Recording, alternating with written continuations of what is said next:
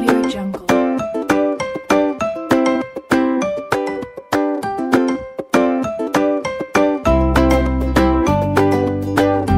Audio Jungle. contarles sobre la situación educativa en el contexto actual. Marcela, buen día, señor. ¿Cómo se encuentra? Buenos días, Jessica. Señorita Jessica, ¿cómo está? Muchísimas gracias por la nota de hoy. Hoy vamos a hablar sobre los desafíos de las TIC para el cambio educativo.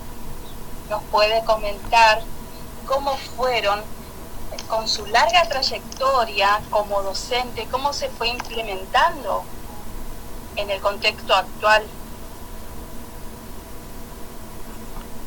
Los desafíos de la TIC para el cambio educativo, los desafíos fueron constantes siempre en avance, como, siempre, como se dice, eh, redes del aprendizaje, calidad educativa, espacio abierto de discusión, fortalecimiento del proceso de enseñanza-aprendizaje, innovadoras de las prácticas, generación de nuevos conocimientos, todo eso implica las en el ámbito educativo, que tuvimos que implementarlo y, y hoy, hoy más que nada se está eh, implementando más que nunca Seguramente ustedes al comienzo, cuando empezó la ASPO, se preguntaban cómo debían enseñar a la distancia en el contexto actual, cómo se fueron implementando, señor Marce.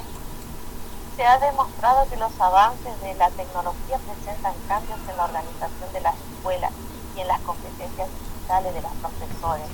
Siempre el docente tiene que estar, eh, siempre el docente tiene que, que- que cargarse todo lo que implica la educación del alumno, el, acompañamiento de la familia.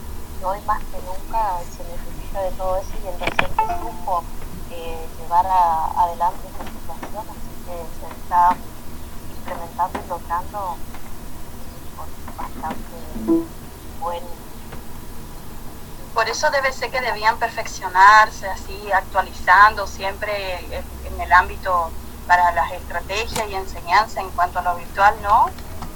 Claro, el docente debe estar en constante actualización acorde a los nuevos desafíos de, de su formación docente, con conocimientos a los nuevos tiempos de las TIC.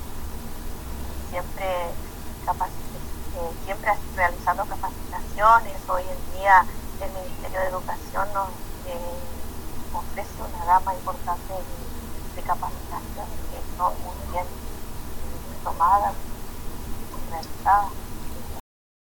¿El acompañamiento familiar eh, persistió durante todo este tiempo del ASPO? Sí, la familia ha acompañado bastante bien a ella, algunas excepciones, pero eh, también se está tratando de llegar medidas con las familias que no están cumpliendo con el pues, para saber por qué, pero la mayoría muy bien acompañada está el alumno y todo con, con la enseñanza y aprendizaje. Bueno, señor Marce, muchísimas gracias por sus aportes. Será hasta la próxima nota. Hasta luego.